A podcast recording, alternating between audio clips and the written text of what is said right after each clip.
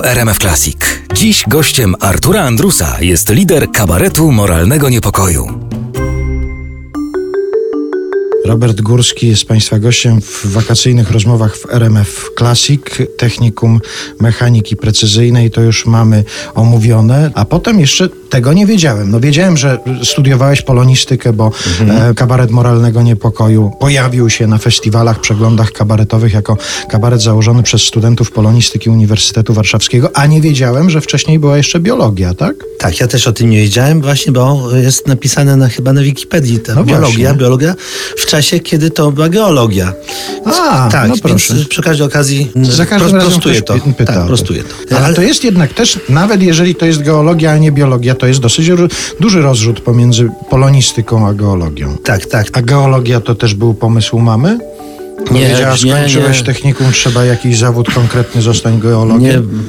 bo mama odpadła od mojego życia jak silnik od rakiety w czasie technikum. Technikum. Potem już decydowałem sam o sobie, więc pomyślałem sobie, że robię coś, co praktycznie mnie wcale nie interesuje, a nawet stojąc przy tokarce czy frezarce pomyślałem sobie, że to jest rzecz, której nigdy w życiu nie chciałbym robić. I na drugim biegunie znalazła się ta polonistyka, ale pomyślałem sobie, że samo to, że lubię czytać książki, to jeszcze nie wystarczy, żeby tam się dostać, bo pewnie te sekretarki z liceum, które postanowiły nie być sekretarkami, a być polonistkami, mają większe atuty niż ja, sporą przewagę, więc pomyślałem sobie, no polonistyka to może tak za duży krok, może mi tam się spodnie rozedrą, więc może coś pośredniego sobie znajdę. I znalazłem sobie geologię, która wtedy była bez egzaminów, ale była na uniwersytecie. I to mi się jakoś tam podobało, bo myślałem przez jakiś czas, że będę kontynuował swoją, swoje techniczne wykształcenie, ale poszedłem na dni otwarte na Politechnikę, na Wydział Inżynierii Lądowej.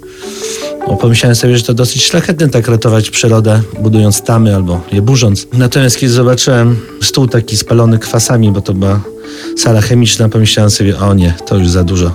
Ta tokarka jeszcze ten spalony stół, to naprawdę nie dla mnie. I wtedy pomyślałem sobie, no to ta geologia jest jakimś kołem ratunkowym.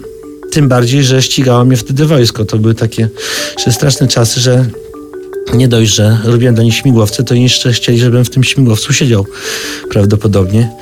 Yy, więc jakoś strasznie się na mnie zawzięli. Nie wiem dlaczego. Ktoś uznał, że mam posturę żołnierza. Wiedzieli, że się nadawałeś do judo, to i do wojska się nadasz, tak?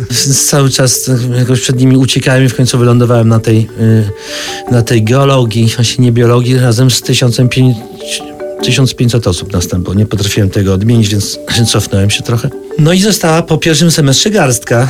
I po w tej garstce byłem ja, więc byłem trochę dumny z tego, ale geolodzy nie mieli ze mnie pożytku, ponieważ już wtedy postanowiłem, że poznałem realia studiów, pomyślałem sobie, że że wśród studentów jest taka masa głąbów, że ja nie jestem chyba takim ostatnim pośród nich i że e, zdecydowałem się na to, żeby zdawać na polonistykę i tam z powodzeniem się dostałem chyba nawet jako 17 wśród 120, więc nie było najgorzej.